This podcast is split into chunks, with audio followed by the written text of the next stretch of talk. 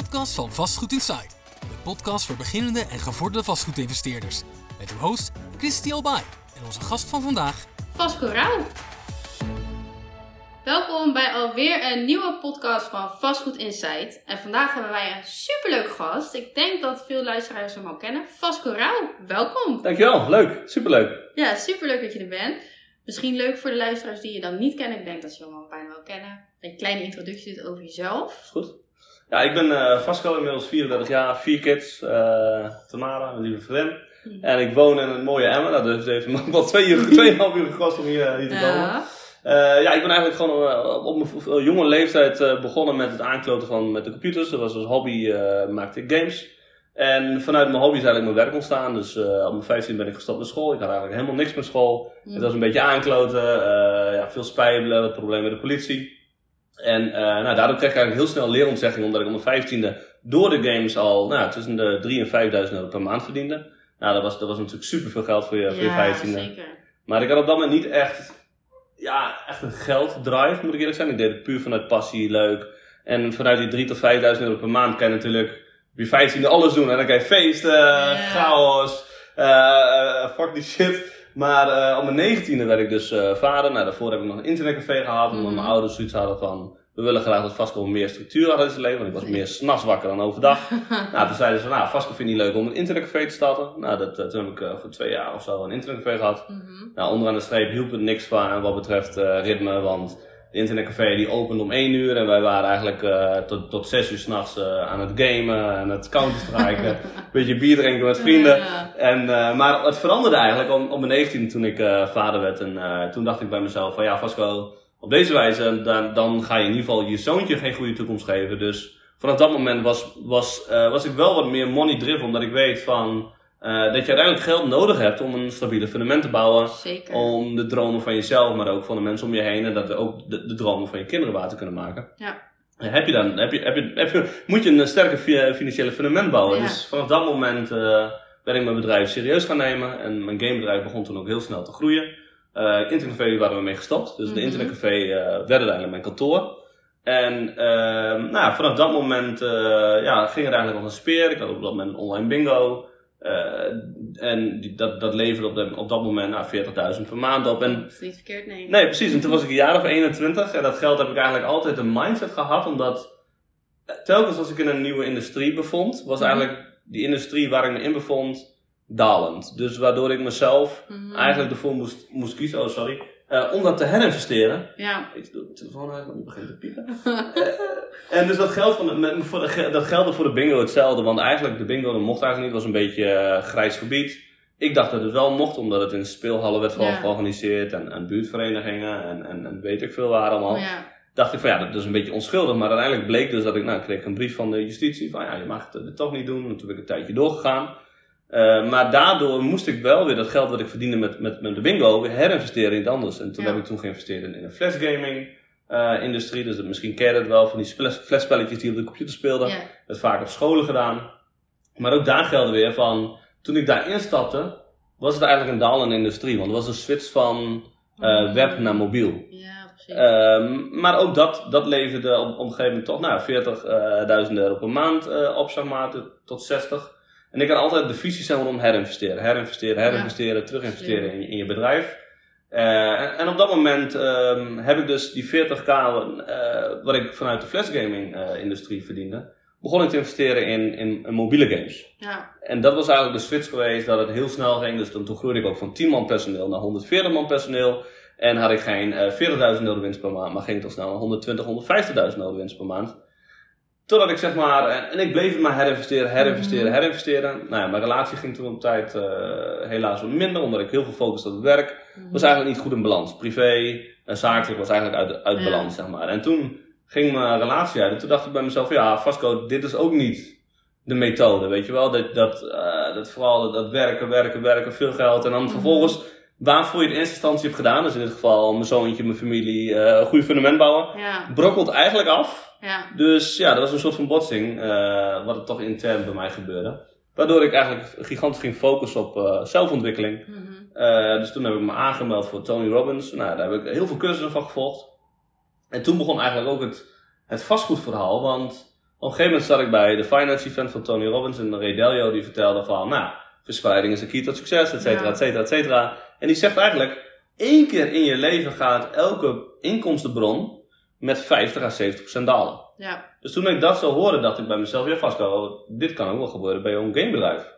Dus vanaf dat moment, toen ik dat hoorde, begon ik een gedeelte, of eigenlijk best wel een groot gedeelte van mijn inkomsten van mijn gamebedrijf, terug te herinvesteren in, in, in, in vastgoed. Ja. Waardoor ik dus eer- mijn, eer- mijn eerste vastgoedobject eh, aan begon te kopen. Nou, dat was in 2015. Ja, dat was echt gouden, gouden, gouden business.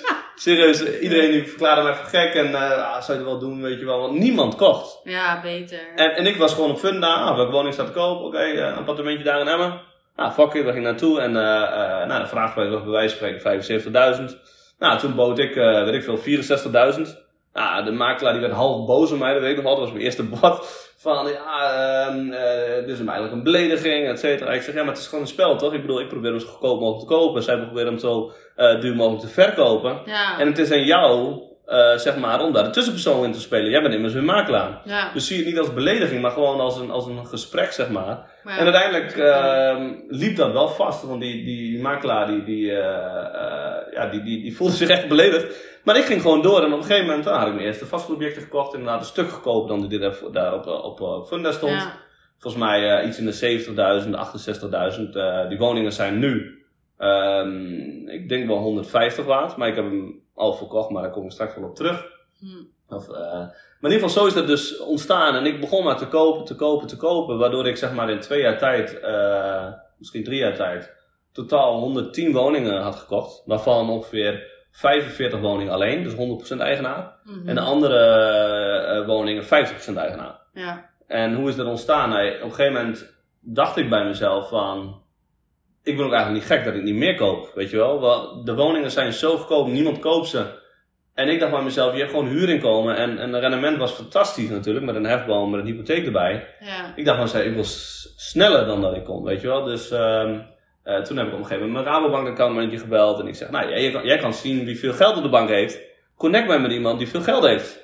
Dus een week later belde mijn accountmanager weer van de Rabo. En die zegt van, nou, er is wel een meneer, die heeft zijn bedrijf verkocht. En die wil wel eh, jou een mogelijke kans geven. En eh, nou, is goed. Nou, toen kwam hij bij mij op kantoor. Heb ik al mijn huidige woningen laten zien, zeg maar die Mhm. 45. Van, nou, dit heb ik tot nu toe opgebouwd. Ja. Eh, deze rendement haal ik, behaal, beha- behaal ik eruit. Mag ik van jou een miljoen lenen? Nou, hij alles evalueren. Hij kwam de dag daarna weer terug bij mij op kantoor. Hij zegt, Vasco, ik wil best die miljoen aan jou lenen. Mhm. Maar dan gaan we die woningen die, die jij wilde kopen, gaan we samen kopen. Ja. Dus daarom heb ik eh, zo'n groot gedeelte ook samen met, eh, met mijn compagnon. En op de dag van vandaag hebben we die nog steeds. Eh, en dat, en dat, ja, en dat, is, dat, dat heeft heel goed uitgepakt. Want die woningen die we toen die tijd kochten voor nou, Ja. 70, 80.000 euro. Of nou ja, in de max misschien 90.000 euro. Ja, die zijn nu tussen de 150 en 180.000. Ja. En de huur natuurlijk, die, nou ja, Cashflow. ja, ja die, die continu groeit vanwege de inflatie. nou, 2,5, eh, 3% per jaar. Dus eh, wat toen die tijd had, was, was, was een appartementje verhuurder voor 580 euro per maand. Inmiddels is dat 750 euro per maand. Dus ja, op dat moment is het gewoon een hele goede keuze geweest. Maar tegelijkertijd, inderdaad, wat gebeurt met mijn gamebedrijf? Die daalde dus eh, door een aanpassing van Google ongeveer 50, nou, misschien wel 60% in één week tijd. En omdat wij hele kleine games maakten, Ja. zeg maar, we hadden niet één hele grote game, nee, we hadden 1400 kleine games. Ja. En omdat Google het algoritme had aangepast, stonden wij niet meer op nummer 1 bij wijze van spreken op een bepaalde keyword. Dat kan zijn bijvoorbeeld een keyword, eh brandweerspelletje of een politiespelletje. Ja. Nee, stonden in één keer op plek 10. Dus wat gebeurt er? Je krijgt gewoon 60% minder downloads. Ja. En omdat ze heel kort zijn, eh, creëert dat ook gelijk 60% minder inkomsten in een week tijd. Mhm. En toen was ik mezelf wel, of in ieder geval Redelio dankbaar, dat ik dat van hem zo serieus had genomen. Ja. Want als ik dat niet had gedaan, en ik had bij wijze van spreken hetzelfde spelletje over en over en over weer gedaan, en ik had zeg maar die miljoenen wat ik nu in vastgoed heb geïnvesteerd, had ik in mijn gamebedrijf geïnvesteerd, had ik misschien een stuk moeilijker gehad. Ja, zeker. Maar doordat zeg maar, ik vastgoed had, kon ik eigenlijk mijn lifestyle voortzetten. Ik kon eh, mijn gamebedrijf goed afsluiten, want ik heb mijn deel helaas moeten ontslaan. Mhm. Toen ben ik een half jaar verder gegaan, hebben we het uiteindelijk- niet kunnen redden.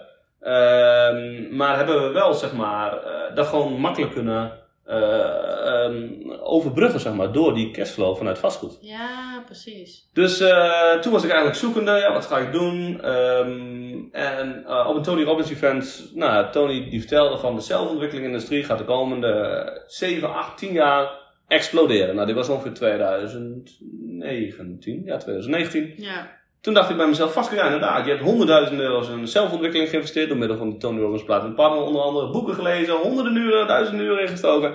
Je moet hier wat mee doen. Ik bedoel, je hebt een succesvolle gamebedrijf gehad, je hebt een goede vastgoedportefeuille opge opge opgebouwd. Dus je hebt kennis en ervaring die je kunt delen tegen een, een, een, een, een, een, een prijs waar mensen het waard voor hebben. Dus dan tegelijkertijd uh, help je mensen. Ja. Uh, een cursus is zeg maar schaalbaar. Je kan direct heel Nederland bereiken vanuit je kantoor. Ja. En het heeft potentie om miljoenen te verdienen. Dus met die gedachte ben ik de Millionaires Club begonnen. Ja. En uh, die heb ik 2,5 jaar gehad. Nou, toen kwam uh, hele gedonder met, uh, met Expose. Nou, heel veel mensen hebben dat misschien wel meegekregen. In de media werd veel verdraaid. Uh, onderaan de streep hebben we er niks aan verdiend. het was natuurlijk, ja, het is natuurlijk geflopt. Ja. jammer, dus, maar dat, in mijn optiek is het part of ondernemerschap. Hoort erbij. Hè? Ja, ik heb het wel onderschat, moet ik eerlijk zijn. Achteraf had ik misschien mijn naam er niet aan verbonden. Was ik niet bij betrokken moeten zijn. Misschien niet, misschien wel. Maar ik geloof ook wel dat alles gebeurt met een reden. En als je de juiste dingen doet, ontstaan ook wel weer de juiste kansen, zeg maar. True, ja. Maar daardoor verloor ik wel een beetje de focus op de Millionaires Club, zeg maar, moet ik eerlijk zijn. Dus de, die kreeg minder uh, uh, aandacht. Nou, dat resulteerde in, in uh, minder leden. Ik vond het op dat moment ook niet toepasselijk, zeg maar, om te gaan schreeuwen van, hey jongens, hey, wat lid van de Millionaires Club, uh, ik help je je mindset versterken. Uh, we leren je stap voor stap om te moeten beleggen. Terwijl je door de media wordt uitgemaakt voor scammer, oplichter, terwijl dat helemaal niet feit is. Toen dacht ik bij mezelf, dit, dit, dit, weet je wat, dit is voor mij niet de juiste tijd en ik doe dit uh, voor mijn plezier. Mm. Want in principe kan ik gewoon leven voor mijn beleggingen, voor mijn vastgoed. En heb ik daadwerkelijk niet, zeg maar, met, met, laten we zeggen, mijn lifestyle, mijn inkomen stond niet, zeg maar, in gevaar. Natuurlijk, was de Millionaires Club een, een gigantische mooie inkomenbron. Want volgens mij op een gegeven moment op toppunt hadden we 150.000 euro winst ook uh, uh, per maand of 120.000, zoeken ik Ja. samen. Um, maar daardoor ontstaat er, door die hele shit kom ik wel weer, want uh, wat je ziet is, je hebt mensen die, die, die, die, die zeggen, oh Vasco, je bent een oplichter. Maar je hebt ook een groep die zegt van, Vasco, ja, weet je wat het is, dit hoort bij ondernemerschap. Ja, Uh, dit is part of the game. Uh, ik ken jou vanuit de Millionaires Club, of ik ken je persoonlijk. Ik heb zaken met je gedaan. Mhm. Ik weet dat jij anders in elkaar zit dan wat geschetst wordt. Uh, ik zie hier een mooie mogelijkheid, doe je mee. Ja. En zo kwam NFT's op mijn pad. Ja. En met NFT's eerlijk gezegd heb ik wel heel veel geld verdiend. En daar ben ik ook gewoon open en eerlijk over. Mhm. En, en hebben we ook gewoon um, NFT-projecten gelanceerd die daadwerkelijk wel waarde hebben gecreëerd voor de NFT-holders. Uh, dus uh, ja, en dat, dat is heel succesvol geweest. En uh, dat heb ik nu afgesloten. Mhm. Dus nu ben ik eigenlijk weer in een or oriënterende fase van Ja. wat ga ik de komende tijd doen. En ja, nu zeg ik hier. Ja. Dat is heel kort en krachtig. Ja. Kort en krachtig. Kort en krachtig van. Dat Ja. de podcast. Nee, maar wat, wat, ja, wat, wat ik tot nu toe heb gedaan. En wat, ja, een beetje, be- heel klein, heel kort mijn, mijn ja, carrière. ja, een beetje track record. Ja, een beetje van eh, waar kom je vandaan, hoe je bent gestart. Maar dat is heel mooi, want er zitten alle elementen er wel een beetje in. Bijvoorbeeld dat NFT's, dat is echt kansen pakken. Als je dan Klopt. gewoon een kans ziet, inspringen en dan ervoor gaan gewoon. Dat is ook wat je hebt gedaan. Je hebt gelijk, dat is gewoon in, in mijn optiek, dat is exact wat jij, uh, hoe jij het beschrijft. Dat is gewoon actie ondernemen en, um, en die kansen zagen we op dat moment. En het is, het is in mijn optiek heel simpel, is, is, is vraag en aanbod. En er was Ja. Zoveel vraag naar NFT's, dat is bizar. Ja, dat is- Dus wij creëren aanbod en uh, we hadden wel de visie, en, en in mijn optiek hebben we dat met de NFT-projecten waar ik bij betrokken ben, uh, wel uh, uitgevoerd. En natuurlijk is er, is, er, is er een enkeling mislukt waar ik bij betrokken was, want ik was een, bij een deel was ik als investeerder betrokken Ja, en ook een deel was ik als uitvoerder betrokken. ja. Maar de visie was altijd zeg maar om wel de holders, zeg maar, die da- daadwerkelijk NFT's kopen, daadwerkelijk wel de waarde te geven ja. waar ze voor betalen. Dus niet zeg maar een rugpool waar, waar ik ook wat op beschuldigd. Maar eh, eh, eh, in mijn optiek een rugpool is zeg maar als jij bergen belooft en dat werkelijk niet nakomt en vervolgens met het geld er vandoor gaat. Maar onze visie is altijd geweest zeg maar, om wel de waarde te creëren voor de holders. Dat hebben we in mijn optiek gedaan. Mhm. Geen gouden bergen beloven die je niet na kunt komen. Dus wij hebben daadwerkelijk eh, alles uitgevoerd wat we Ja. daadwerkelijk beloofd hebben. Ja, Eh, eh, en en kijk, onderaan de streep, natuurlijk, als mensen, de mensen die het kochten, eerlijk is eerlijk, dachten en nu is er bij, bij de projecten, de grootste projecten waar ik bij betrokken ben, gelukkig ook zo ontstaan. Maar onderaan de streep heb je altijd verliezers. Ja. Ehm, waarom kochten de mensen onze NFT? Ze dachten dat het fucking veel geld waard zou zijn. Zou zijn. Ja. En de mensen die het van ons hebben gekocht, die hebben inderdaad ook fucking veel geld verdiend. Meen ik serieus. Want wij waren op een gegeven moment in de top 50 eh, NFT-projecten eh, wat betreft volume. Er is meer dan, nou nu is het dan een stuk minder omdat eh, die, die Ethereum-prijs flink gekelderd is. Ja. Maar op een gegeven moment was er voor 80 miljoen getraind. 80 miljoen. En wij kregen 10% commissie, dus 8 miljoen verdiend. Mhm. Eh, eh, we, hadden, nou ja, we hadden de NFT's ook al verkocht. Daar hadden we ook al eh 7 of 8 miljoen verdiend. Maar de mensen die bijvoorbeeld die van ons kochten, nou, die hadden bij wijze van spreken hem gekocht voor eh 800 tot 1000 dollar per stuk. ja, precies. En op de toppunt was die NFT 12.000 dollar waard, de, de floor price. Ja. Dus die van ons al van 1000 hadden gekocht, die konden het weer verkopen op, eh, voor 12.000 dollar. Ja, En dat is hun keuze om het wel of niet te verkopen. tuurlijk. En die konden ze ook direct verkopen, want de volume, nou die 80 miljoen was zo hoog. Je kon zeg maar elke drie minuten, vier minuten kon je gewoon je NFT kwijt. Voor 12.000 dollar, die je voor 1000 dollar had gemunt van ons. Ja. En er is zelfs zo'n extreme situatie, iemand die had van ons, sorry, eh, eh, gekocht voor 1000 dollar. Mhm. En die had zeg maar een hele, hele unieke. Ja, die heeft hem verkocht voor meer dan 350.000 dollar. Dat wij zelfs dachten, what the fuck is Ja, dit? Dit is ziek. Nou, in, in mijn optiek, eh, en vervolgens hebben we een roadmap gemaakt. We hebben alles wat op de roadmap gestond, eh, stond, hebben we uitgevoerd. Dus eh, ook daarin hebben we geen valse beloftes gemaakt. Want in het begin was onze visie een profile picture project. Dus gewoon de plaatje kocht je eigenlijk, de digitale kunsthoek, om vervolgens ja, op, op, op, ja, op social media te gebruiken. Of misschien kocht je het als belegging, misschien kocht je het gewoon omdat je het leuk vond. En dat was onze visie ook. Ja. En later hebben we gevraagd aan de community, nou, wat wil je graag doen? Eh, wat wil je graag dat wij doen? Nou, Mhm. toen hebben zij een aantal dingen ingevuld in de enquête. Nou, die punten die er meest naar voren kwamen op basis van de voting, hebben we uitgevoerd. En zo zijn we doorgegaan. Dus we hebben daar geen loze beloftes gemaakt. Eh, we hebben wel natuurlijk gigantisch veel geld verdiend, ben ik ook heel eerlijk in. De mensen die van ons hebben gemend hebben ook veel geld verdiend, maar als ze het verkocht hadden. Maar stel, je had hem voor 12.000 dollar gekocht. Ja, dat is hij nu niet meer waard. Nee. Veel minder. Dus die mensen hebben geld verloren. Ja, ja. is dat dan mijn verantwoordelijkheid? Ik vind persoonlijk van niet. Want ik heb niet tegen gezegd van ja, je, je moet die NFT kopen. Ik Mhm. heb helemaal niks gezegd, want ik ben de, ik heb mijn, ik heb mijn naam er niet aan verbonden. maar het is wel inderdaad wat je zegt. Het is wel een kans die ontstaat. En die moet je met 30.000 miljoen handen grijpen bij. Ja, zeker. En dat was ook eh, na die hele ellende van Expose. Eh, had ik voor mezelf in mijn hoofd, en, en toevallig was het tijdens de opnames van eh, ehm, eh, Waar doen ze het van? Ja. Het tv-programma. Mhm. Zei ik ook letterlijk, zeg maar, was het in, in volgens mij was dat september vorig jaar. Zei ik tijdens die opnames van, mijn doel is om dit jaar mijn huis te verdienen. Mhm. Maar ik weet nog niet hoe, want ik wist ook niet hoe. Want de Millionaires Club die daalde hard, omdat ik er geen focus op had, negativiteit, et cetera. Nou, logisch dat dan de leden opzeggen, dat, dat, dat, dat ontstaat gewoon. Dus ik moest eigenlijk, ik zit, toen die tijd zat ik in dezelfde fase waar ik nu zit. Nu moest ik weer iets bedenken of iets doen waardoor ik uiteindelijk mijn doel kan behalen door die- mijn huis te verdienen. Nou, dat- mijn huis die gaat ongeveer anderhalf miljoen kosten. Dus ik had zeg maar een half jaar de tijd om anderhalf miljoen te verdienen. Maar ik wist nog niet hoe. Maar ik zei ook tegen het tv-programma, Ja. Geloof mij, het gaat gebeuren. Ik weet nog niet hoe, maar ik ga er duizend procent voor. Maar dan staat er ongeveer twee maanden later, komt die NFT's op mijn pad. En ik had verhalen gehoord van mensen die er zoveel geld aan hebben verdiend. Toen dacht ik bij mezelf, hier ligt een kans, hier is een opportunity en ik grijp hem duizend procent. Dus wat heb ik toen gedaan? Ik heb eh, eigenlijk alles wat ik deed eh, opzij gegooid. Ik heb echt serieus, wat is drie, vier uur nacht, eh, per nacht geslapen. Eh, ongezond gegeten, dan moet ik nu straks na de ja, vakantie wel maar die hebben dat moet er straks allemaal weer af. Maar toen heb ik letterlijk alles op alles gezet om dat succesvol te maken. En Ja. ik denk dat dat samen met degene die, waarmee ik het samen deed, die hadden dezelfde visie, duizend procent vergaan. En ik denk dat daar, daarom wij in staat waren om een NFT-project te lanceren die op dat moment de meest populaire NFT-project was van, dat van, die, van, die, van die tijd. Ja. Dus, eh, en natuurlijk eh, neem je de ervaring mee van de afgelopen 15, 20 jaar, want uiteindelijk eh, neem je het allemaal mee naar, naar de handelingen die je uitvoert, et cetera. Maar toch ook wel wat de actie ondernemen. Ik heb geen moment getwijfeld. Ik heb letterlijk alles laten vallen en, en ervoor gaan. En ik heb ook mensen om me heen gehad die hadden ook een, een, een, een idee voor een NFT-project. Mhm. Maar twee maanden later hadden ze nog steeds hetzelfde idee. Weet Ja. je wel? En hadden ze nog geen actie ondernomen. Dus Dus ik denk sowieso actie ondernemen overwint altijd van eh, degene die dat eh, niet doen. Maar eh, Ja, en ik denk ook wel op tijd actie ondernemen. Want je, soms zie je wel eens kansen en dan ben je te druk met andere dingen. En dan ga je dat voorrang geven.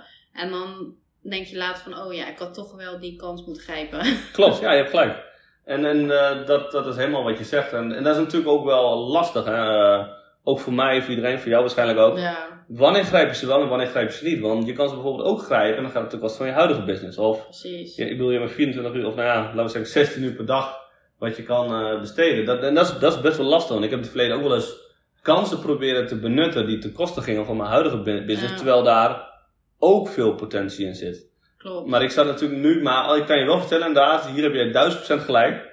Als iemand die kans zag in oktober, november NFT's, had alles laten vallen en had het gedaan. Want ik heb, ik heb zoveel mensen leren kennen die daadwerkelijk miljoenen hebben verdiend. Ja, Eh, en geloof me, ik heb nog nooit zoveel geld verdiend in zo'n korte periode als toen die tijd.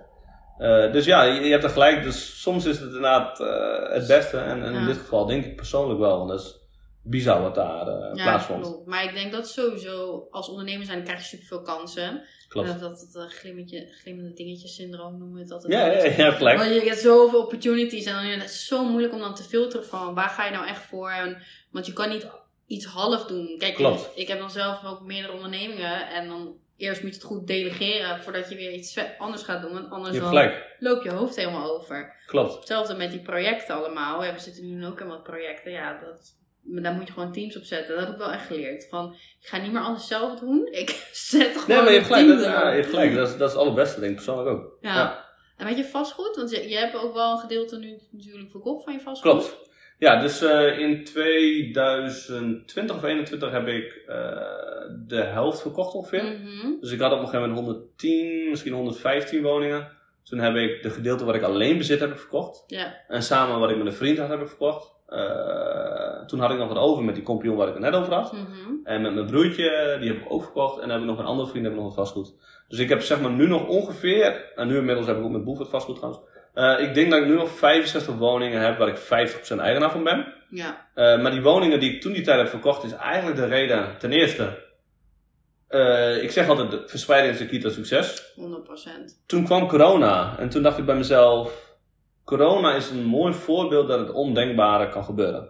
Als ik bij wijze van spreken in 2019 had gezegd, of 2020 van, hey, de hele wereld gaat op slot, er breekt een virus uit, dat echt zegt, Vasco jongen, je bent echt fucking gek in je hoofd. Ja, dat gaat echt niet gebeuren. Ik kan me niet voorstellen dat alle horeca op slot gaat, dat je bijna niet meer mag reizen, dat je met mondkapjes op straat loopt en zeggen, oh, je bent echt hartstikke gek. Had ik mezelf ook voor gek verklaard. Alleen onderaan de streep is het wel gebeurd. Dus dat was voor mij een eye-opener in de vorm van zelfs het ondenkbare ja, kan gebeuren. Mhm. Maar dat kan dus ook met vastgoed gebeuren. En ik had 100%. alles in, in Emmen. Ik had eh, eh, niet verspreid, want dat was toen die tijd zo opgebouwd. Eh, ja, en, en 95% van mijn vermogen staat in vastgoed. Ja. Dus stel het ondenkbare bij vastgoed, of in Emmen, of in welke scenario dat gaat ook gebeuren, dan ben ik fucked ja, heb ik 95% waar ik jarenlang knetterhard voor heb gewerkt, staat op het spel als er iets gebeurt. En daarnaast had ik plus min 2,5 miljoen van mijn bedrijf geleend. En er komt zo'n nieuwe regelgeving, ja, ik weet niet wat nu de status is, want ik heb dat opgelost. Dat je alles boven de half miljoen moet je gigantisch veel belasting betalen. klopt. Dus eh, ik heb mijn schuld teruggebracht naar een half miljoen door die verkoop. En eh, ik heb dat geld wat ik verdiend heb, ik geïnvesteerd in vastgoed. Of sorry, naar eh, crypto, eh, aandelen, goud en zilver. En ik had wat cash op de bank zeg maar, om in nieuwe projecten te investeren. Ja, Dus da dat was eigenlijk, de- die twee was eigenlijk de beweegreden. Dus die half miljoen, dat ik die niet meer dan een half miljoen schuld heb voor mijn BV. mhm. Eh, zodat ik die eventuele regelgeving waar ze toen die tijd voor eh, eh, zou eigenlijk in 2022 doorkomen. Maar toen kwam corona. Ik weet niet wat de huidige status is, omdat het mij niet meer echt aangaat. En volgens mij komt het er nog aan, geloof ik nog steeds. En die andere beweegreden is gewoon verspreiding. Is Ja. key tot succes. Dus, eh, en de andere vastgoed heb ik nog steeds. En die ben ik ook niet van plan om te verkopen. Hou je gewoon lekker in je portefeuille. Ja, dus ik heb hem nu nog. Toevallig loopt mijn financiering af. Die, er staat nog eh, nu. Ik had echt een hele fijne rente van 1,9%. Mhm. Eh, dat die- is niet verkeerd. Nee, dat is verkeerd. Maar ja, die loopt nu af, zeg maar. Want die is vijf jaar geleden afgesloten. Die moeten we nu weer herfinancieren. Dus we gaan hem nu herfinancieren. Maar volgens mij gaan we nu naar 3,7%. Oh, Eh, dat is nog oké. want dat is nog oké, gaat ja. nu ook richting de 4, 5. Ja. eh, volgens mij 3,7 tenminste. Die wordt volgens mij deze maand of volgende maand afgesloten. En waar we dan 50% financieren. En dan eh aflossing vrij. Ja. Dus dan, eh, en dan krijgen we als het goed is, mijn compagnon en ik, dan gaat het voor mijn compagnon en ik, dan krijgen we elk weer eh 800.000 dollar cashflow. Mhm. En nou, die ga ik dan weer verspreid eh, investeren. Ja. Nice, dat klinkt niet verkeerd. En qua vastgoed aankopen, je koopt nu niks meer aan, toch? Nee, op dit moment niet. Omdat zeg maar, ik heb voor mezelf een verspreiding, zeg maar, wat betreft hoe ik mijn vermogen wil verspreiden. Dus laten we zeggen, plus min 35 à 40 procent van mijn vermogen wil ik in, in vastgoed hebben. Mhm. Eh, zo wil ik eh, plus min 25% in crypto. Eh, wil ik plus min eh, 25% in, in, in aandelen. En wat in, in, in overigen en, en goud en zilver.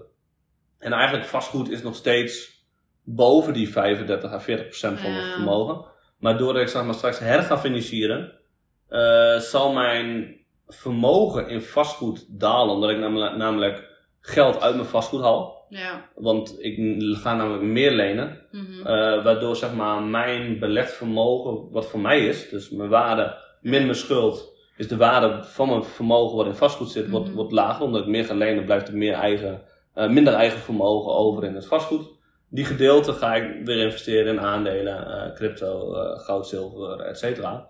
Waardoor ik zeg maar als doel, zeg maar die 35%. Maar stel, Ja, maar stel bijvoorbeeld, ik eh, maak straks een klapper met eh, de NFT game waar ik mee bezig ben. Ja. En ik maak daar bijvoorbeeld 10 miljoen mee als voorbeeld. Mhm. Dat kan, je weet het niet. Ja, dan is in één keer die verhouding uitbalans. Waardoor ik waarschijnlijk weer vastgoed moet aankopen. Want dan is misschien maar 20% van mijn vermogen in vastgoed. Ja. En dan moet ik weer 15% aankopen om weer naar die 35% te gaan. Ja. Dus, ehm, dus ik weet eerlijk gezegd niet wat de huidige stand van zaken is. Eh, ik ben nog wel met een project bezig en dat is mijn kantoor. Ja. Dus eh, ik heb... eh, Ziet er heel mooi uit trouwens. Ja, dat, dat is heel mooi. Ik heb even wat Instagram filmpjes voorbij Ja, nee, dat is, maar nou, dat is niet normaal. Maar dat de voorgedeelte is dus nog, daar, is, daar hebben we nog helemaal niks mee gedaan. En de plan was eerst om dat te verbouwen. Mhm. Alleen toen dacht ik bij mezelf vast, ik heb zoveel ruimte, want mijn kantoorruimte is geloof ik 2000 vierkante meter, gewoon kantoorruimte. Ja. En we zitten er letterlijk met 10 man. Ja, dat is, Iedereen, iedereen heeft gewoon zijn ja, space nodig. ja, maar dat is gewoon niet normaal, weet je wel. Dat, Ja. is gewoon belachelijk veel. Dus wat, wat ik toen dacht van, nou, zei ik tegen eh, Mohammed, dus mijn neefje, die, die beheert mijn vastgoed. Ik zeg, eh, misschien moet ik het gaan verhuren of zo, of appartementen bouwen. Waarop hij zei, weet je wat ik het beste kan doen? Is de voorgedeelte er helemaal afhalen. en vervolgens zeven appartementen bouwen en verkopen. Dus dat is wat wij nu gaan doen. Dus we hebben nu Ja. een eh, architect ingehuurd, die gaat een plan maken. En met een beetje geluk, zeg maar, dan, dan veeg ik dus de voor, voorgedeelte eraf. En bouw ik zeven appartementen. En dan zou ik daar in theorie ongeveer 1,2 miljoen eh, mee moeten kunnen eh, verdienen. Ja. Maar dan heb ik mijn achtergedeelte van kantoor, die jij hebt gezien inderdaad, die er zo mooi uitziet. die heb ik dan nog. En dan bouw ik daarnaast nog wat kantoortjes. Ja, dan heb ik een ideale eh, kantoorruimte plus die 1,2 miljoen wat ik dan eh, heb verdiend. ja, Dus daar ben ik nog wel mee bezig met vastgoed. tof. Ja. Klinkt als een heel tof project. Ja, dus het is afhankelijk van de gemeente. Maar de gemeente heeft in eerste instantie goed eh, positief gereageerd. Dat is fijn. Ja, super fijn. Ja, het is super fijn. Dus ehm, ja, als die enthousiast blijft, ja, dan, dan zou daar een hele mooie bonus de Ja. komende twee jaar aan kunnen zitten. Ja. Ja, want zo'n project dat duurt natuurlijk wel eventjes. Je moet natuurlijk eerst alle vergunningen aanvragen, architect, eh, Klopt, echt alles erop en eraan. En daarna pas kan je gaan, kan je gaan bouwen. klopt. Ja, dat, dat is al een traject denk ik, van twee jaar ongeveer. Ja. Ja. Maar wel een mega kans. En dat, eh, en, en dat is ook de fase waar ik in zit, zeg maar. Dat ik, eh, nou ja, ik heb het NFT-project afgesloten. Mhm. De Millionaires Club misschien ja of nee weer opstarten. Maar wat, wat ga ik doen de komende tijd? Want ik heb wel gewoon vaste lasten van 80.000 per maand. Ja, Eh, van personeel wat ik nog heb. eh, nou ja, je auto's, eh, je huis, en, een duur leven, et cetera, et cetera. ja, Dus ik heb nu geen inkomenbron. Ja, ik heb nog wat, wat geld van, van, van mijn gamebedrijf. Ik heb wat huurinkomsten. Alleen dat is niet genoeg om die 80k per maand te Mm, bekostigen. Dus nu ja. heb ik tegen mezelf gezegd, eigenlijk wat ik vorig jaar ook zei. de komende half jaar wil ik weer iets nieuws creëren. Wat potentie heeft om, om, om miljoenen te verdienen. ja, En in ieder geval die 80k per maand te bekostigen. Dus, eh, en, en doordat je in die mode zit, ga je kijken. Soms is het misschien ook wel goed om te kijken, wat bezit ik allemaal? ja. Weet je wel? Dus bijvoorbeeld, ja, ik heb deze, deze kantoor. Wat kan ik hiermee, weet je wel? En dan, dan ga je gewoon brainstormen met elkaar. En dan, ja, dan kom je tot, tot een idee van, ja, misschien is het wel goed om de voorstuk eraf te halen. Et cetera, et cetera, appartementen bouwen. Wat vervolgens misschien 1,2 miljoen op kan leveren. En zo ga je je, je, dingen voorbij. Maar ja, zo, zo ben ik er gewoon de, nu de afgelopen drie weken aan het brainstormen. En eh, waarschijnlijk de komende twee weken ook nog.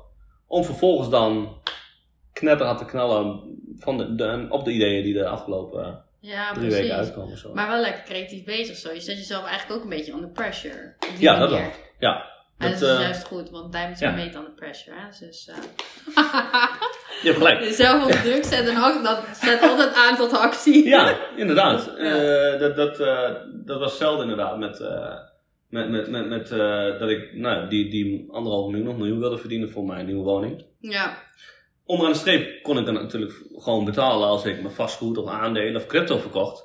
Maar dat is in mijn hoofd dus geen optie, want nee. in principe kom ik dan aan mijn geldmachine. Die ervoor zorgt die mijn vermogen knetterhard blijft groeien over de lange te- termijn. Dus dat is voor mij in mijn hoofd gewoon geen optie. En dan, ja, dan, wat jij zegt, als je moet dan, dan gebeurt het wel. Weet je wel, als ik eh, eh, iemand een geweer op zijn hoofd zet en ik zeg, eh, je hebt 12, 12 maanden tijd om een half miljoen te verdienen. Of je gaat eraan. Dan gaat hij rennen. Ja, reken maar dat die creatief wordt. Reken maar dat die gedreven wordt. Reken maar dat hij een half miljoen gaat verdienen. Ja. En als je met die gedachte, zeg maar, die druk, zeg maar, Ja. Vasco, je moet fucking hell. Je hebt geen keus. Ja. Fuck my life, het gebeurt. Ja. Je, je gaat signalen zien die je normaal niet ziet. Je gaat actie ondernemen. Je gaat over je grens heen. Als je moe bent, heb je fucking scheid aan jezelf. En dan, dan, eh, dan haal je het. Ja, je moet gewoon energieke focus hebben, zieke drijf en gewoon alleen wat je in je hoofd, dat moet je gewoon halen en dan kom je er wel. Exact. Obsessed. Ja, maar dat Obsessed. is, obsessed is echt de key. Ja, En denk ik zo ook. Nee, maar ik merk dat ook heel erg. Want ik heb bijvoorbeeld in mijn omgeving hoor ik ook van ja, maar je werkt zo hard en je bent alleen maar daarmee bezig. En dan denk ik van ja, maar hallo, ik heb gewoon één doel voor ogen. Ja. En dat wil ik gewoon behalen.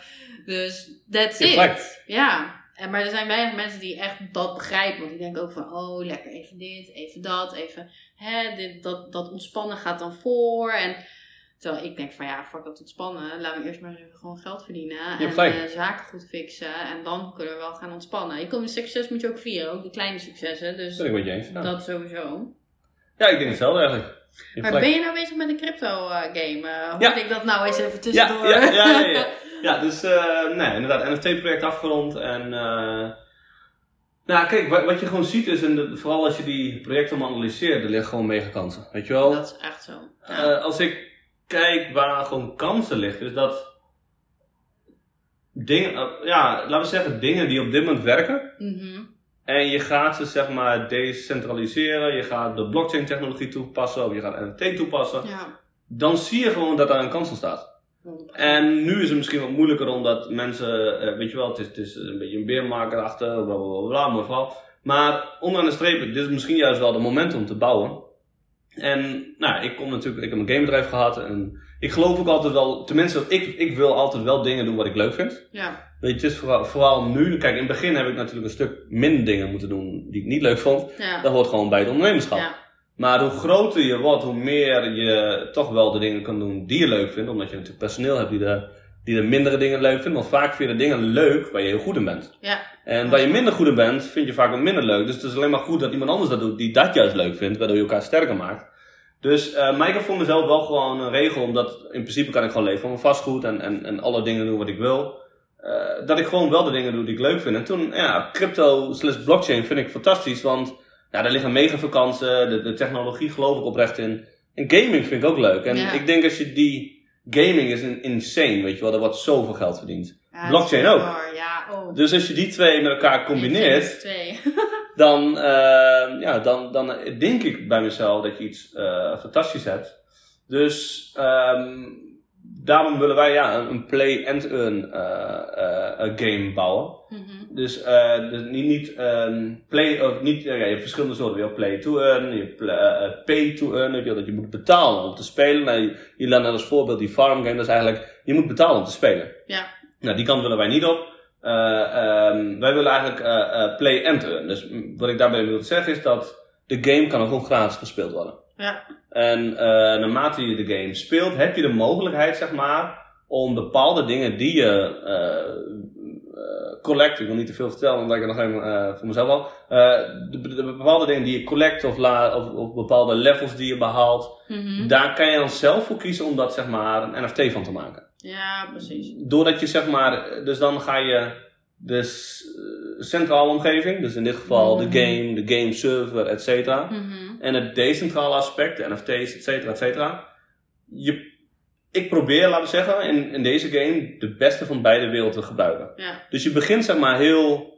Kijk, onderaan de streep, elke game is. eh, wat, wat, wat, wat is, is, eh, ver- is gecentraliseerd. Want ik bedoel, Ja. iemand moet de game bouwen, iemand moet de game aanpassen, iemand heeft de touwtjes in de handen. Mhm. Dat is niet zeg maar de community. Want Nee. er moet iemand, iemand moet daar aan de touwtjes zitten, weet je wel. Dus Ja.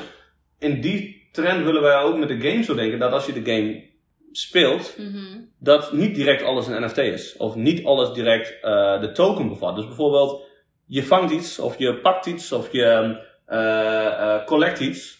Dan is het nog niet direct een NFT. Want als je dan omzet in NFT, kost het geld. Dan heb je gas fees. ja, precies. Maar door dat zeg maar niet te doen en dan vervolgens de, de speler de mogelijkheid te geven om op elk willekeurig moment zeg maar eh, die bepaalde item te NFT'en, Ja. dan pas wordt het een NFT.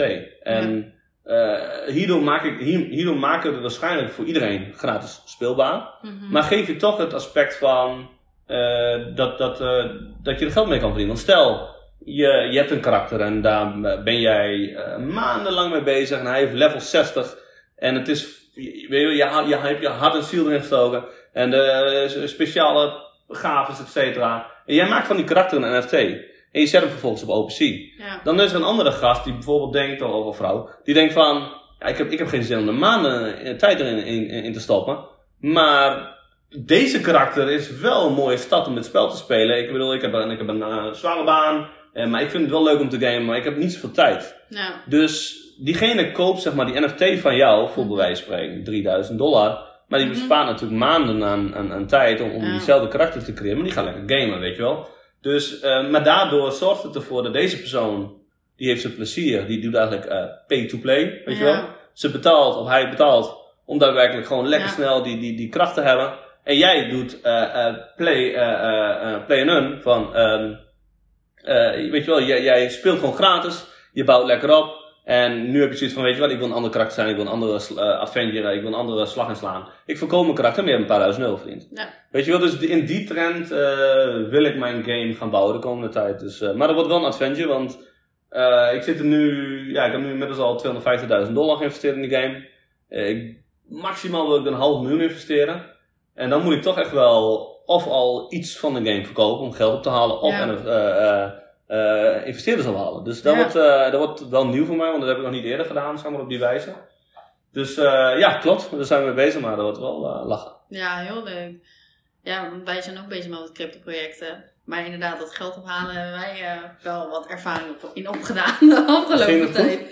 Ja, moet zeggen wel, ja. Maar ik, ben, ik ben ook weer zo'n persoon die altijd gelooft alles moet zo zijn zoals het moet zijn. En het Ja. was eerst een paar keer afgeketst met bepaalde dingen. En ja, dan toch had ik het gevoel van, ja, het komt wel goed, weet je wel. En toen had ik het een soort van afgesloten in mijn hoofd. En maar toch met het idee van, het komt wel goed. En toen kreeg ik in één keer een belletje van, ja, iemand heeft toch ja gezegd. Gaaf. Dus het gaat door. En eh, dus ik dacht van wauw, is echt bizar. En, Nou, die fase eh zit ik nu over te twijfelen ook. ja. Maar wat, wat zijn voor jou de nadelen en voordelen? van- Nou ja, voordeel is natuurlijk, je hebt gelijk het geld ja. om te ontwikkelen. Maar heb je ook nadelen, bevind je ook nadelen? Omdat je bepaalde Nou. verantwoordelijkheid natuurlijk... eh, Ehm, nee, niet per se. Ja, het ligt eraan gewoon hoe je het insteekt. Ik zeggen, voor ons was het echt een super leerproces. Ook contractueel komt zoveel bij kijken. Het is echt... en Dan ook dan, dit had dan weer te maken met de overname van een bedrijf. Oké. En eh, die hebben we toen gekocht met een investeerder. En er kwam zoveel papierwerk bij kijken. Ik denk dat ik echt wel honderd handtekeningen heb gezet. Geloof ik oprecht. Dus het was echt eh, pittig. Maar goed, de, dat is een van de nadelen. Dat het gewoon superveel papierwerk is. Kijk, je hebt dan een ja. Je hebt je due diligence gedaan. ehm, en dan komt het echte proces, zeg maar. En dat is gewoon heel pittig. Er komen heel veel ja, moeilijke termen bij kijken. Dus laat je, ja, dat stukje moet je heel goed laten Ja, ja, sure, ja. Dus dat, dat is dan een punt wat ik dacht van oké, dat is wel pittig. En ehm, ja, qua nadelen, moet ik even goed denken. Ja, het, alles wordt altijd mooi ge- voorgeschetst. Dit heeft dan echt betrekking tot de overname. Ja, mooi voorgeschetst dan dat het daadwerkelijk is. Maar dat is normaal, dat is gewoon Klopt. menselijk. Dus dat had ik ook wel een beetje verwacht. Dus dat is dan ook wel iets waar, waar je rekening mee moet houden. En met het echt ophalen van een investeerder. Ik moet zeggen, ik denk dat wij echt geluk hebben. Want deze man is super relaxed. En Ja, dat scheelt denk ik. hij heeft het ook gewoon echt goed voor elkaar. En Hij, je merkt gewoon aan dat hij het ook echt doet omdat hij het leuk vindt. En hij doet het ook een beetje om ons te helpen. Dus ja, dat scheelt de helft. Dus dat het dat het geen pijn doet als het... eh, Het zal hem denk ik geen pijn nee, dat bedoel ik. Ja, als, als het Ons valt. wel. Ja, dat, dat snap ik. Ja, ja, zeker. maar hem niet. Nee, maar ik denk ook gewoon dat, dat je de juiste persoon moet vinden die ook bij jou past. Dat denk ik ook. Met een investeerder. Ik denk niet dat het gaat werken als je het op een bepaalde manier gaat forceren. Heb ik heel erg geleerd door de jaren heen dat ik gewoon best wel lang zaken doe. Je kan wel dingen gaan forceren, maar ik heb dat heel vaak gedaan. Echt er doorheen drukken. Als ik dan iemand wat niet meer denk ik van bam, helemaal er doorheen drukken. En ik heb daar zoveel ellende van gekregen. Dus nu ben ik daar ook heel anders in geworden. Denk van oké, als het niet zo moet zijn, moet het gewoon niet zo zijn. Heeft het ook een bepaalde reden. Hoef je niet nu tegenaan te lopen. Kan ook over een maand, over een jaar, over drie jaar. Dat je dan precies weet waarom. Dus zo sta ik er ook altijd in.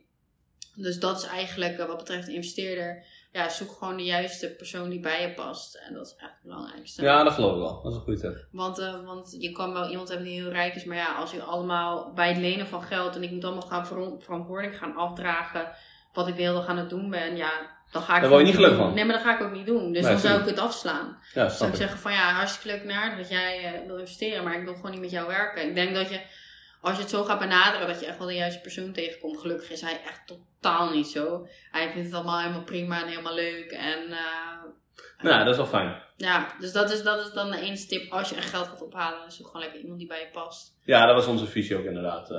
en iemand die ons misschien sterker kan maken op de, Ja, met de game inderdaad. Ja. ja. iemand die toegevoegde waarde heeft. Dat Exact. hebben wij ook inderdaad nu. Want hij heeft bijvoorbeeld weer bepaalde ingangen bij grote concerns. Precies dat betreft dan CO2-meters die we dan nu eh, aanbieden. En eh, nu is het dan ook verplicht voor scholen en voor horecagelegenheden. Dat is ook een beetje de reden dat we het zo interessant eh, Gaaf.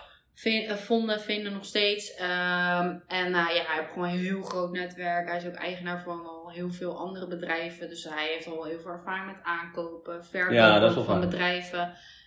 Ja, er zit gewoon heel veel potentie nog in het product wat we hebben. Dus die gewoon schalen en dan eh, uitzetten via ook zijn netwerk. Want hij heeft gewoon goede contacten eh, bij bepaalde grote instanties. Ja, dat was al toegevoegde waarde. Dus dan, en dan nog de financiering. Plus dan iemand met heel veel business experience. En ook nog eens dan het netwerk wat erbij komt. Ja, dan... Dat is wel gaaf. Ja, Dus jullie zijn nu aan het ontwikkelen. ja, ja ik moet Cool. zeggen, we hebben nu zeg maar dat eh, product, we hebben hem hier ook staan. Hij staat daar in de kast. Eh, we hebben dat Ja. maar we hebben, we hebben dus ehm, nu zijn we alles aan het opzetten. We zijn bezig met die overname. Dus we zijn alle systemen zeg maar opnieuw aan het stroomlijnen. Spannend. Leuk. neerleggen. Ja. Ja, het is wel pittig, maar ehm, ja, het is wel ook super leuk. Want nu doe ik ook weer dingen die ik normaal eigenlijk niet meer Ja, deed. snap ik. Ja. Maar nu moet ik dus weer opnieuw een team opzetten, opnieuw mensen op de juiste plek zetten.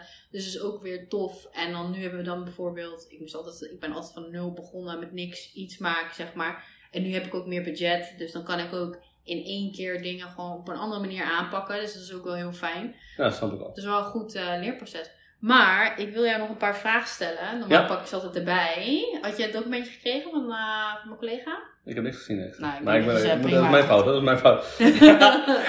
ik denk dat je ze wel makkelijk kan beantwoorden. Ik stel altijd drie vragen. Ja, oké. En normaal heb ik ook een telefoon met wat erop staat, maar ik weet ze wel een beetje uit mijn hoofd. Ja. Ehm, de eerste vraag is: ehm, wat is nou jouw doel in het leven en hoe zie jij jezelf op de oude dag? Mhm. Question number one. En dan, Ja. eh, als je die beantwoordt, gaan we verder naar de volgende. Ja, top. Mijn doel in het leven. Nou ja, kijk, wat ik eh, vooral belangrijk vind is, is gewoon groeien, weet je wel. Dat je, Continu ja, ja, ze zeggen ook wel groei staat gelijk aan geluk. En, Ja. en, en eh, voor mij is dat ondernemen is wel een groot aspect in mijn leven, weet je wel. Eh, sommige mensen halen groei uit, uit, eh, ik noem maar wat, eh, sport. Nou, dat mag ik ook wel iets meer doen. Begin ik van volgende week aan. Maar, maar- ja, ja, maar voor Oh, mij is ja. het, ja. maar voor mij is het bijvoorbeeld, eh, en voor de anderen is het bijvoorbeeld eh, hun kinderen. En dat is voor mij ook. Maar sommige mensen gaan zo ver met hun kinderen dat ze, ze zichzelf eigenlijk een beetje vergeten, weet je wel. Precies. En voor mij is dat ook natuurlijk een compleet plaatje, want het is niet de een of de ander. Maar ik haal wel heel veel groei uit eh, en geluk uit ondernemen. En natuurlijk met mijn gezin leuke dingen doen. Dus mijn doel is eigenlijk om, eh uiteindelijk, ja, om een fantastisch leven te leiden vol ervaring, of vooral ervaringen. En Ja. ik geloof ook wel, ook de ma- materialistische dingen zijn een deel van ervaring, weet je wel. Als je een, Ja. een duurdere auto hebt, dat het... eh gaat niet per se om die duurdere auto, maar die ervaring is ook gewoon veel beter. Ja. je wel? Dus ik wil gewoon een, een, een fantastisch leven leiden, vol ervaringen met, met, met familie en vrienden. En dat je uiteindelijk zeg maar eh, een groep mensen, het hoeft helemaal niet groot te zijn, om je heen hebt. En dat je gewoon inderdaad op de oude dag zit. eh, met, je, met je familie, met je vrienden. Ja. En dat je terugkijkt en dat je gewoon met z'n allen over, wow jongen, what the fuck, dat was fantastisch. hè. weet je wel, die NF2 project, die we gewoon vanuit niks gewoon, weet je wel, eh, nou, ja, we hadden, we hadden, we hadden een omzet van 30 miljoen, echt serieus, in drie maanden tijd. Eh, weet je nog wel dat we dat deden? Of, of wat was de, of wat was de, eh de Millionaires Club fantastisch. Het eerste event, jongen, zonder ervaring, stonden we op het podium. Of, of Silvan, weet je nog wel dat je, eh, eh, ja, weet je wel, dat je elke dag aan het spotten was en dat je nu een fantastisch, hoe heet het, een, een passie hebt gevonden voor sport. Want hij sport echt elke dag op kantoor. Oh, Of, of, weet je wel, of Lucas, weet je nog, in Disneyland. Eh, weet je wel, dat je gewoon op die wijze, Ja. ehm, gewoon ja, met familie en vrienden, dat je denkt van jongens, we zitten hier allemaal en we zijn allemaal goed. En dan heb je op dat moment heb je kleinkinderen. Ja, dat, dat, eh, dat vind ik gewoon fantastisch. Dus eigenlijk eh, gewoon groeien. Dus ook, ook vanuit mijn kinderen, dat vind ik heel leuk om te zien, is dat zij bepaalde barrières overgaan. Dus heel vaak durven ze iets niet. En ik forceer ze eigenlijk. En soms is het misschien niet goed, soms wel. Ik geloof er wel in. Want ehm dan vind ik het gewoon fantastisch om te zien, zeg maar, ook op een vakantie. Dat Ja. ze dan bijvoorbeeld, ik noem wat, Lucas was bijvoorbeeld, in, we waren in Disneyland twee weken geleden. Mhm. En dan heb je die hotel of terror, terror of hotel, weet ik veel wat. Dan ga je Mhm. zo de lucht in een knetterhad weer naar beneden. En hij durfde niet, want hij was er namelijk drie maanden geleden in geweest. En hij vond het zo eng. Hij wou niet meer, hij wou niet meer. Ik zeg, Lucas, kom op. Eh, je weet het, wij doen altijd één ding op vakantie. eh, dat je iets uitvoert wat je, wat, je, wat je niet durft. Nou, voor hem was het dit. Ik zeg, je moet. Ja, maar wat als het niet gaat? Je hebt geen keus, Lucas, je moet. Ja, maar ik doe het niet. Nee, je moet. Jawel, maar je kan me niet verplichten. Nee, klopt, maar je moet wel. Toch wel een beetje verplicht dan. Dus uiteindelijk eh, was hij erin geweest en eh, hij vond het fantastisch. En de dag daarna is hij er weer in geweest. En het niet voor die heeft hij wel gedaan, maar het was stukken minder struggle. Maar wat ik bedoel te zeggen is dat dat soort dingen laten je levendig te voelen. Dat soort dingen eh word je gelukkig van. Ja. Dat soort dingen eh, groeien. En dat, daarom geloof ik ook, groei staat gelijk aan geluk. Zeker. En hij werd op dat moment een klein beetje groter, weet je wel. Hij heeft iets gedaan wat hij eigenlijk niet, wilde durft. en niet durfde. Ja. Maar toch heeft gedaan en daardoor leert hij zichzelf onbewust, want hij is er nog niet bewust mee bezig, hij is tien. Ja. Leert hij zichzelf, zeg maar, om, ondanks dat je iets niet wil, durft, of misschien denkt niet te kunnen, heb je het toch gedaan. Ja. En daar draait bij mij, voor mijn gevoel, een heel groot gedeelte uit succes uit het leven ook uit. Want de dingen die, die vaak belangrijk zijn en waarvan je weet dat je dat moet doen, maar dan niet durft te doen, zijn vaak de belangrijkste dingen. En daar ligt je 100%. moment of, of groei. Daar ligt je succes. Mhm. Eh, daar ligt je geluk. Weet je wel. Dus eh, ja, wat is mijn doelen? Ja, dat dat. Heel kort uitgedrukt. Is dat. eh, dat ik gewoon met mijn familie en vrienden door blijf groeien. Dat we ja. obstakels blijven overwinnen. Dat we doelen blijven halen. En niet zozeer de doelen zelf, maar de reis naartoe. Mhm. Nou, ze zeggen ook wel, de reis er naartoe is veel langer dan, dan het moment dat je het doel haalt. Zeker. Dat ja. het is vaak een momentopname. Dat wil niet zeggen dat je dat moment niet moet vieren. Dat moet je ook doen natuurlijk. Want dat, dat is ook part of the game. Dus daar, dat, eh, dat is vooral mijn doel, zeg maar. En eh, kijk, ja, ik heb ooit gezegd van ja, ik wil graag 100 miljoen vergaren in mijn leven. Mhm. Ik denk persoonlijk dat het nu hoger moet worden. Eh, want vermo- mijn vermogen is nu ongeveer ja, 13 tot 15 miljoen. En als ik dat op, gewoon door laat renderen, dan haal ik de 100 miljoen in principe makkelijk. Dus in principe moet ik mezelf weer Hogere doelen ja, hogere stellen. doelen stellen, ja. Dus maar, eh, maar, maar ja, als je, mijn doel is gewoon inderdaad een, een, gewoon een fantastisch leven leiden. Dat je terugkijkt, dat je veel hebt beleefd. eh, met, met, met mijn vriendin, met mijn kids, met mijn familie, met mijn vrienden. En dat je gewoon eh, Ja, super tof. iets super... eh, Iets super tofs hebt neergezet. juist. Ja. Wat was het twee? Je zei- was iets doelen en? Eh, hoe zie je je oude dag? Maar die Oh, ja. had je wel een beetje beantwoord. Ja, kijk, ja, de oude dag inderdaad, om daar nog iets dieper op in te gaan, is meer van... ehm, wat, ik, wat ik echt fantastisch vind is bijvoorbeeld, maar die is nog iets aan de jonge kant, maar dat is Tony Robbins. Hij is 62 en is nog gewoon full pool bezig. Maar een beter voorbeeld is misschien Warren Buffett. Ja. Die gewoon, ik weet niet hoe oud hij inmiddels is, 94, 92, ik heb geen ja, hij idee. is wel aardig bleef. Ja, of 96, ik weet niet. Maar die is gewoon nog elke dag bezig met zijn, met zijn eh, passie. Of Ja. laten we zeggen, het, het ding waar hij van groeit. Ja, Weet je wel? En, en voor mij is mijn grootste groei vaak ook een ondernemen. En dat, omdat het, dat vind ik gewoon leuk en dan groei ik en et cetera. ja. Dus dat wil ik op mijn oude dag ook gewoon nog blijven, Blijven doen. doen. Dus blijven eh, investeren, blijven ondernemen. eh, blijven ervaring opbouwen met familie en vrienden. et cetera. Ja. Ja. super tof. Ja, dat, dat is een heel mooi antwoord. Ik heb nog een tweede vraag, maar die tweede vraag dat is niet zo toepasselijk op jou, vind ik. Nee, het is van wat vind je leukste aan je job? Maar Oh, het- ja. eh, je kan het niet als een job omschrijven en Ja, wat vind ik het leukste? Ehm, ja, ondernemen is gewoon Ja. ervaringen. eh, vrijheid denk ik ook wel een beetje. Ja, kijk, als ik, eh, kijk, ik, heb, ik heb ooit een keer, was ik, wat is het oud? Wat was ik? Tien of zo? Mhm. Elf, ik heb geen idee. Een krantenwerk gehad. Nou, dat, toen dacht ik bij mezelf, fuck my life, wil ik nooit weer van mijn leven. Vooral in de winter, toen dacht ik er twee keer over na. Nee, maar, maar ik ga naar huis, doei! ja, ja, precies dat. Eh, nee, behalve als het, als het kerst was, want dan mocht je bij iedereen aanbellen en dan gaf, eh, vooral die oude mensen gaven je dan een kleine bijdrage, dan had je nog wel een leuke, een leuke dag, zeg maar. maar Ja, Nee, maar voor de rest, eh, nee, toen dacht ik bij mezelf, dit is niks voor mij. Nee, voor een baan werken, nee. eh, voor een baas werken, nee. Dus inderdaad, de vrijheid, dat, dat gewoon dat je eh, op je eigen tijd eh, Ja. kan ondernemen. eh, je werk kan uitvoeren met, met wie je maar wil en met wat je maar doet.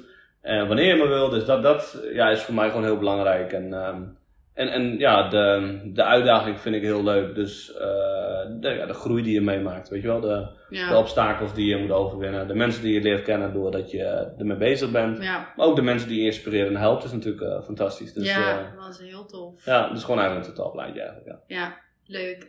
En dan de laatste vraag is, eh, wat is de belangrijkste les die je dit jaar hebt geleerd en mee zou willen geven aan de luisteraars?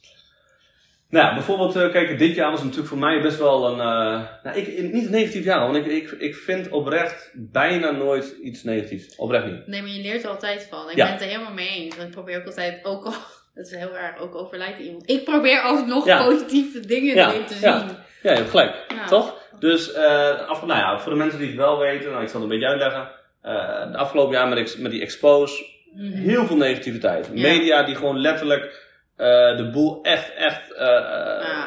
anders neerzetten. En ook met een nou, boosuitzending. Dan ga je met je goede bakken, zeg maar. eh, ga je daar. Ja, met je goede gedrag. Dan sta ik er gewoon te woord. En waarom sta ik Ja. te woord? Omdat ik niks te verbergen heb. Ja. En het mooiste is, hij kwam aan en eh, natuurlijk, de eerste reactie was voor mij verdedigend. Weet je wel, van, ja, ik wil van tevoren eerst wel even zien. ja. Dat had ik misschien niet moeten doen, want daardoor kom je alweer het over. En wat, wat, wat, vaak, wat wordt het vaakst gebruikt? Die zinnetje. Ja, Weet je wel? Maar onderaan de streep heb ik, eh, wat is het, drie kwartier met hem gepraat. Hij had ook zijn oorkonde bij zich. Nou, voor de mensen die vaker boos afleveringen zien. Hij heeft altijd een oorkonde, geeft hij af. Heeft hij bij mij niet gegeven en allemaal weer mee naar huis. Dus hij vond niet bij mij wat hij dacht te vinden. In Ja. mijn optiek. Dus eh, ik heb er gewoon lekker het woord staan, maar in ieder geval heel veel negativiteit. Weet je wel, dan krijg je berichtjes van mensen vastkomen. Je bent oplichter, mensen die mij niet kennen, weet je wel. Ja, dat je denkt, waar bemoei je je mee? Ja, en ehm, eh, natuurlijk ging dat mee, maar ik heb het nooit echt negatief, eh, echt negatief ervaren. Ik ben af en toe wel boos. Iedereen heeft zeg maar een, een emotie, een, een thuisemotie. Ja. Voor mij is mijn thuisemotie boosheid. Mhm. Voor de ander is dat verdriet. Voor de ander is dat bijvoorbeeld misschien meer dat ze zich terug gaan trekken, eenzaam. Voor iedereen heeft zeg maar een emotie, zeg maar als het misgaat. Of als je echt hebt te veel wordt, dan ga je naar die emotie. Voor mij is dat boosheid. Mhm. Dus bijvoorbeeld, als er dan zoiets is, dan werd ik even weer boos, jongen. What the fuck, jongen. Hey, dit, dit heb ik niet zo gezegd. Of dit heb ik niet zo bedoeld. Of dit, we hebben een goede test. Je hebt er geen geld aan verdiend. Maar ka, jongen. Dan word je gewoon boos, weet je. Dan heb ik uit de emotie wel eens wat dingen gepost of gezegd wat ik misschien niet had moeten zeggen. Nou, dan weer een kettingreactie. En, eh, eh, nou ja, een van de technieken die ik dan vaak gebruik, Vasco, denk aan de dingen waar je dankbaar voor bent. Want nou, eh, een van de eh, technieken wat, wat we bij Tony hebben geleerd bijvoorbeeld is, als je denkt waar je dankbaar voor bent, eh, want dankbaarheid en een negatieve emotie kunnen niet tegelijk plaatsvinden in je lichaam. Klopt. Dus als je denkt aan bijvoorbeeld waar je dankbaar voor bent, Mhm. kan je niet boos zijn tegelijkertijd. Dus stel je bent boos, moet ik vast ook kom op. Denk even aan iets waar je dankbaar voor bent, dan zie je dat de boosheid wegzakt. En dat je weer in een positieve state of mind komt. Ja, En dan ben je natuurlijk veel scherper, veel beter en, en voor de medemens en voor jezelf. ja. Ehm, dus, eh, en iedereen heeft natuurlijk dingen waar ze dankbaar voor kunnen zijn. Voor mij is dan net ook, ah, ja, Pascal, jongen, je hebt vier fantastische kids, je bent gezond, eh, eh, je hebt een hele mooie vrouw, eh, weet je wel, je doet Ja. fantastische dingen, je hoeft je nergens zorgen over te maken. De mensen om je heen weten hoe het zit, dus eh, je hebt een fantastische, fantastische huis, dus what the fuck, bro? Ja. Ja, je hebt ook wel gelijk, Pascal. Dat die, eh, ja. Hele gesprek zo in je hoofd. ja, zeker weten. Ja, maar dan praat ik gewoon tegen Is mezelf. ook zo. Ja, ja. Herkenbaar. Ja. Dus ehm, met die techniek heb ik eh, dan heel vaak eh, toegepast. En, en gewoon, kijk, er, er zijn eigenlijk drie focuspunten wat in mijn optiek heel Mm. belangrijk is. En ik, en ik vertelde ze natuurlijk altijd in de Millionaires Club en ik heb in het verleden ook, ook wel meer te maken mee gehad. Maar afgelopen jaar had ik er veel mee te maken. En die focuspunten is eigenlijk heel simpel. De eerste is van focus op de dingen die je wel bezit. En Ja. niet op de dingen die je niet bezit. Dus, eh, dus nou ja, inderdaad, Vasco, wat ik net zei. Ja, je hebt eh, vier fantastische kinderen, je bent gezond, eh, je hebt mooie werknemers, collega's, Mhm. et cetera. Weet je wel, dus je hebt, je hebt zo'n mooi leven. De tweede is, focus op dingen waar je wel controle hebt. Ja. En niet op de dingen waar je geen controle op hebt. Dus ik kan wel boos gaan worden op een Tim Hofman, hoe die mij neerzet. Maar Vasco, heb je geen controle over. Dus stop mee om daarop te focussen. Ja. Focus op dingen waar je wel controle op hebt. Oh, NFT's komen op pad, daar heb ik controle over. Ik ben zelf verantwoordelijk over de resultaten die ik daarbij ga halen. En de laatste is, focus op het heden. Dus dat je de plezier ervaart eh die er omheen gebeurt. Bijvoorbeeld nu, nou, we hebben een mooie podcast zijn we aan het opnemen. Ja. De mensen die er naar gaan kijken, die hebben waarschijnlijk hallen. Er was hopelijk wat waarde uit. Ja. Nou, daar word ik blij van. Dat is leuk. En als tweede, je focust op de, op de, op de toekomst. Dus Mhm. Eh, op de doelen die je gaat halen. En, en door op de, de toekomst te gaan focussen, ga je eigenlijk je leven ehm, eh, vormgeven. Je toekomstige leven. Ja. Dus de kunst is zeg maar om een, om een goede balans te hebben tussen het heden, Ja. dat je plezier ervaart, en de toekomst om je doelen zo eh, nou, vorm te geven dat je daadwerkelijk de lifestyle creëert die je graag wilt. Om uiteindelijk weer die plezierervaring in het heden naar een beter level, nou ja, et Ja. cetera. En, en ik, dat, dat is voor mij ehm, waar, wat, wat ik het laatste jaar gewoon regelmatig mezelf moest herinneren, Vasco, focus. Maar Weet je wel, wa- waarom heel veel mensen zeg maar in een negatieve state of mind komen, of er heel lang in blijven, of zelfs soms depressief raken, ja, is het feit, ze focussen op de dingen die ze niet hebben. ja, Weet je wel? Eh, ja, ik, ik, heb, ik, heb, ik heb niet zo'n mooie auto, of ik heb eh, eh, nog niet het geld wat ik per maand wil verdienen, of ja, ehm et cetera, et cetera. Of, en daarbij gaan ze ook nog eens focussen op de dingen waar ze geen controle over hebben. Weet je wel van, ja, ik wil graag een salarisverhoging, maar mijn baas die, eh, die geeft mij niet, en eh et cetera. Maar in plaats om op, op, om op je baas te focussen, ga ik focussen op jezelf en, en ga nadenken van, ja, misschien kan ik naast mijn baas, eh, naast mijn baan wat geld, extra geld verdienen. Ja. Leg je de controle bij jezelf. Of ga kijken hoe je meer waarde kunt creëren voor je baas, waardoor je baas uiteindelijk denkt van, oh, ja. ja, je bent meer geld waard, je krijgt meer betaald. Dus in plaats van de focus te leggen op hetgene waar je geen controle over hebt, bij mijn geval is het bijvoorbeeld een, de media, geen controle over, dus je kan er wel op gefocust, maar word niet blij van. Nee. Weet je wel, en, en voor iemand anders kan dat zijn inderdaad, eh, inderdaad de, de baas. En als laatste, ehm, nou, wat, ik, nou, wat ik net het tegenovergestelde van, eh, van het heden en de toekomst is Ja. natuurlijk het verleden. Natuurlijk moet je ook bezig zijn met het verleden, weet je wel. Eh, leren van je punten, dankbaar zijn voor wat je mee hebt gemaakt, et cetera, et cetera. Maar je wil er niet lang in blijven, want Nee, het, het is gebeurd, het is er niet meer, weet je wel. Dit is verleden tijd. verleden tijd. Maar heel veel mensen blijven daar hangen van ja, wat nou als dat niet was gebeurd of... Ja, maar Ja, dat is toch al geweest. ja. Dat kan je niet beïnvloeden. Nee. Dus wat gebeurt er dan? Als je daar veel te lang in blijft, kom je vast te zitten. Ja. En als je dan een worst case scenario hebt, Mhm. je focust op de dingen die je niet hebt, ja. je focust op de dingen waar je geen controle over hebt, ja, is, je bent fucking veel bezig met het verleden, dan ben je fucked. Dat is gewoon echt een recipe voor ellende. Ja, dan, ben je, dan heb je ellende.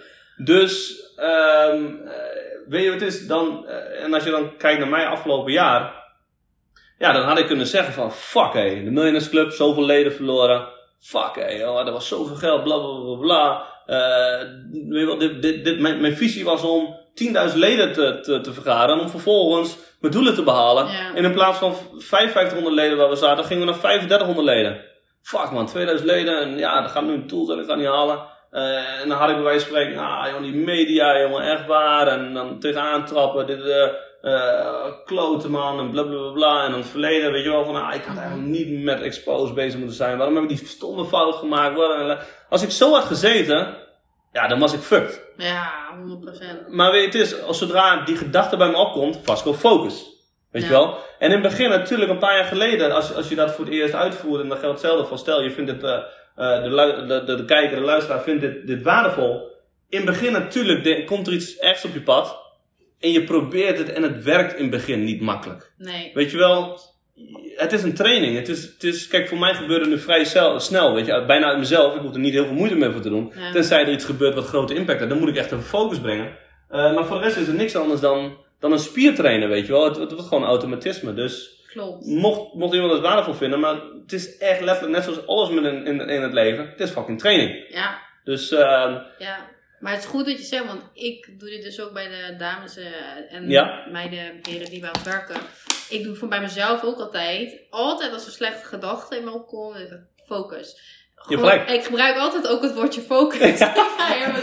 Want het is toch weer even dat je dan bewust bent van... Oké, ik denk toch iets wat... Dan, dan, dan, ga, dan ga ik bij mezelf nadenken van... Oké, waarom denk ik dat? Waar komt dit vandaan? Oké, dan analyseer ik het even. Oké, daar komt het vandaan. Ik ben me er bewust van. En dan ga ik gewoon weer verder met mijn dag. gelijk. En dat is zo krachtig. Ja, maar eh, dat is wel heel lastig. Omdat eh, die negatieve gedachten kunnen best wel toxic zijn. En best wel verslavend ook voor mensen. Als ik kijk naar mezelf van twee jaar bijvoorbeeld geleden, drie jaar geleden. Had, zou ik langer in een gedachte blijven hangen. Terwijl Klopt. als ik nu al ik iets op hoor hangen, op, op hoor eh, komen in mijn hoofd. Nou, dan eh, denk ik al meteen, oké, switch. Ja, ja, maar dat is wel beter toch? Ik bedoel, eh, daardoor ben je wel een beter persoon voor de mensen om je heen en voor jezelf. Zeker, ja. Dat, ik, ook, eh, als je dat gaat vergelijken met... eh, ja, je bent gewoon veel bewuster met dingen bezig. Je kan ook veel beter omgaan met problemen. Dus als er dingen om je heen gebeuren waar je inderdaad geen controle over hebt. Exact. Ja, dan denk ik ook altijd gewoon van ja... Wat, ik kan er voor de rest niet veel aan doen. En dan, het enige wat je kan doen is er het beste van maken. Klopt. En iets positiefs uithalen.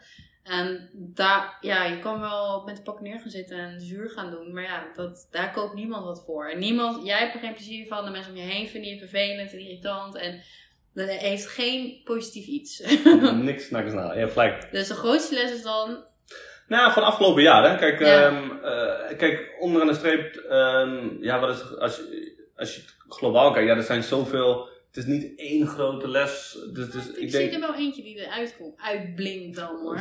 van, Van, nou ja, wat je nu net vertelt. oh ja, van, ja, van afgelopen jaar, maar ook inderdaad voor, je, voor iemands leven, ja. Maar, ja, maar- dat je, wat je zou mee willen geven natuurlijk aan de luisteraars. Ik denk dan dat je gewoon controle hebt over je eigen gedachten. Klopt. Dat is eigenlijk waar het op neerkomt. En dat je zelf jezelf kan switchen. En dat je dat Elk gewoon- moment. Dat is trainbaar, dat kan je trainen. Je hebt gelijk. Dus eh, ik- in ieder geval wat bij mij naar boven komt, is oh, na je uitleg van oké, dat is wel echt dan het moment dat je dat dan hebt geleerd van hè, je moest heel vaak terugschakelen. Klopt. Ik denk dat je Afgelopen jaar, dat is vaak terug moest denk je dan ja. van oepsie. Ja, nee, je hebt gelijk. Dus dat, nee, dat, dat, is mijn eh, eh, niet groot. Ja, dat is, dat is wel. Dat, dat, ik denk dat dat voor mij de afgelopen jaren een belangrijke mee zou geven aan mensen. Ja. ja. Dat, eh, want onderaan de streep gaat iedereen het mee te maken krijgen op zijn eigen manier. Ja, zeker. En ik heb het natuurlijk wel eh, meegemaakt op andere vlakken, maar elk vlak voelt weer anders. En ja. Kijk, je moet het wel zo zien dat toen dit helemaal gebeurde, zeg maar, we, we, een radar was erover, eh Boos. En vervolgens gaat Boos de aflevering daarna The Voice maken. Nou, dat was, The Voice was natuurlijk één grote mediaspectakel. Ja, Maar bizar. welke aflevering wordt automatisch daarna afgespeeld? Die van mij. ja, ja, Zo, jij zit Ja. zwaar in de boot daar. Ja. snap je wat ik bedoel? Dus eh, je hebt natuurlijk de Telegraaf, de Quote, al die media, zeg maar, eh, programma's. eh, waardoor dus gewoon dus door miljoenen mensen bij elkaar op, op de, opgeteld gelezen wordt. Ja. Ja, is natuurlijk wel dat je denkt oh, inter- interesting story. Ja. Dus, dat, eh, ja, dus dat, dat was voor mij wel iets wat ik nog niet eerder heb ervaren. Eh, Ja. en, en ik ben er heel dankbaar voor, want uiteindelijk maakt hij experience. ja, nieuwe speel, wat sterker. Eh, En ehm, daarom denk ik dat deze technieken, zeg maar, en een ervan is dan ook wat jij net zelf schetst, dat eigenlijk wat vraag 1. Van ja, wat zou je doen als je op je sterfbed ligt? Ja. Nou, dat, dan wil ik niet, zeg maar, een jaar lang gepiekerd hebben hoe kut ik het vond. Nee, Nee. dan wil ik een verhaal hebben van vast je verliest daar, maar ondertussen heb je een onbeter met NFT's en je bent gewoon fucking eindbaas. Ja. Sorry, dat is een veel leuker ja. verhaal. Ja, veel leuker inderdaad. Dus ik denk wel als je zeg maar die, die sterfbed eh, tactiek en dan met, met, met wat ik je net schet, met die dankbaarheid van die 90 seconden Ja. en die focuspunten, Ja. dan ben je in staat zeg maar om elke situatie een tegenslag om te turnen. Ja. Dus dan even kort samengevat, waar we het net nog over hadden, kwam even het een en ander tussendoor. Ehm Ja. dus de, de leerpunten, dus het- wat jij, ja, het storytelling stukje, wat naar voren komt van ja, denk gewoon aan ja, hoe jij zou willen dat jouw verhaallijn eruit ziet. Ik denk dat dat Exact. ook wel heel belangrijk is. Klopt. Ehm, en dan, ehm, ja, wa- wat jij voornamelijk hebt geleerd, wat je zei, die focuspunten en zo, is zo belangrijk. Dus het is wel goed dat mensen dat meenemen. En eh, ja, voor de rest, al het mooie wat je nu aan het doen bent, met de crypto game ben ik ook heel benieuwd naar. Ja, dat was leuk, dat was leuk. Dat wordt heel tof. Ehm, en voor de rest, zou je nog wat willen meegeven aan de luisteraars? Nou, wat ik altijd zeg, zorg dat je een gedeelte van je inkomen belegt. Minimaal 20% om uiteindelijk je, je geldmachine te bouwen. Ja, Eh, nou ja, mijn gamebedrijf als voorbeeld van, eh, er komt een moment, en dat geldt ook voor diegene die misschien luistert. Ik hoop het niet, maar er komt een keer een moment in je leven dat je inkomen met 50 à 70% gaat dalen. ja. Eh, we hebben natuurlijk gezien bij de horeca toen de corona kwam, Zo. ook dat verwacht je niet. Ja. Dus er kan iets gebeuren in de komende, stel je, ik noem maar wat, stel je bent eh, eh, eh, 30. In de komende 50 jaar kan er wat gebeuren, Mhm. waardoor je inkomen halveert. Ja. En door nu al zeg maar 20% te gaan beleggen, nou, in vastgoed, Ja. via jullie. Ja. Eh, in aandelen, crypto, eh, goud, zilver, eh, gewoon verspreiden, opbouwen, niet naar omkijken, komende 20 jaar laten staan. ja. Ja, en dan ben je uiteindelijk financieel onafhankelijk. Dus dat, en natuurlijk gewoon jezelf blijven ontwikkelen. Ja, helemaal mee eens. Nou, hartstikke bedankt Ja, leuk. voor de fijne podcast. Ja. hartstikke leuk. Ja, vond ik ook, oprecht. Ja, voor de luisteraars, als je Vasco wil volgen via Instagram, te vinden onder Vasco Rauw, zal ik even een linkje erbij zetten. Top. Dus dat komt helemaal goed. Leuk. Dus eh, bij deze wil ik de podcast eh, afsluiten en wens ik eh, jullie allemaal een fijne dag. En tot de volgende keer. Ciao, ciao! Nogmaals bedankt voor het beluisteren van onze podcast. Vind je onze podcast leuk?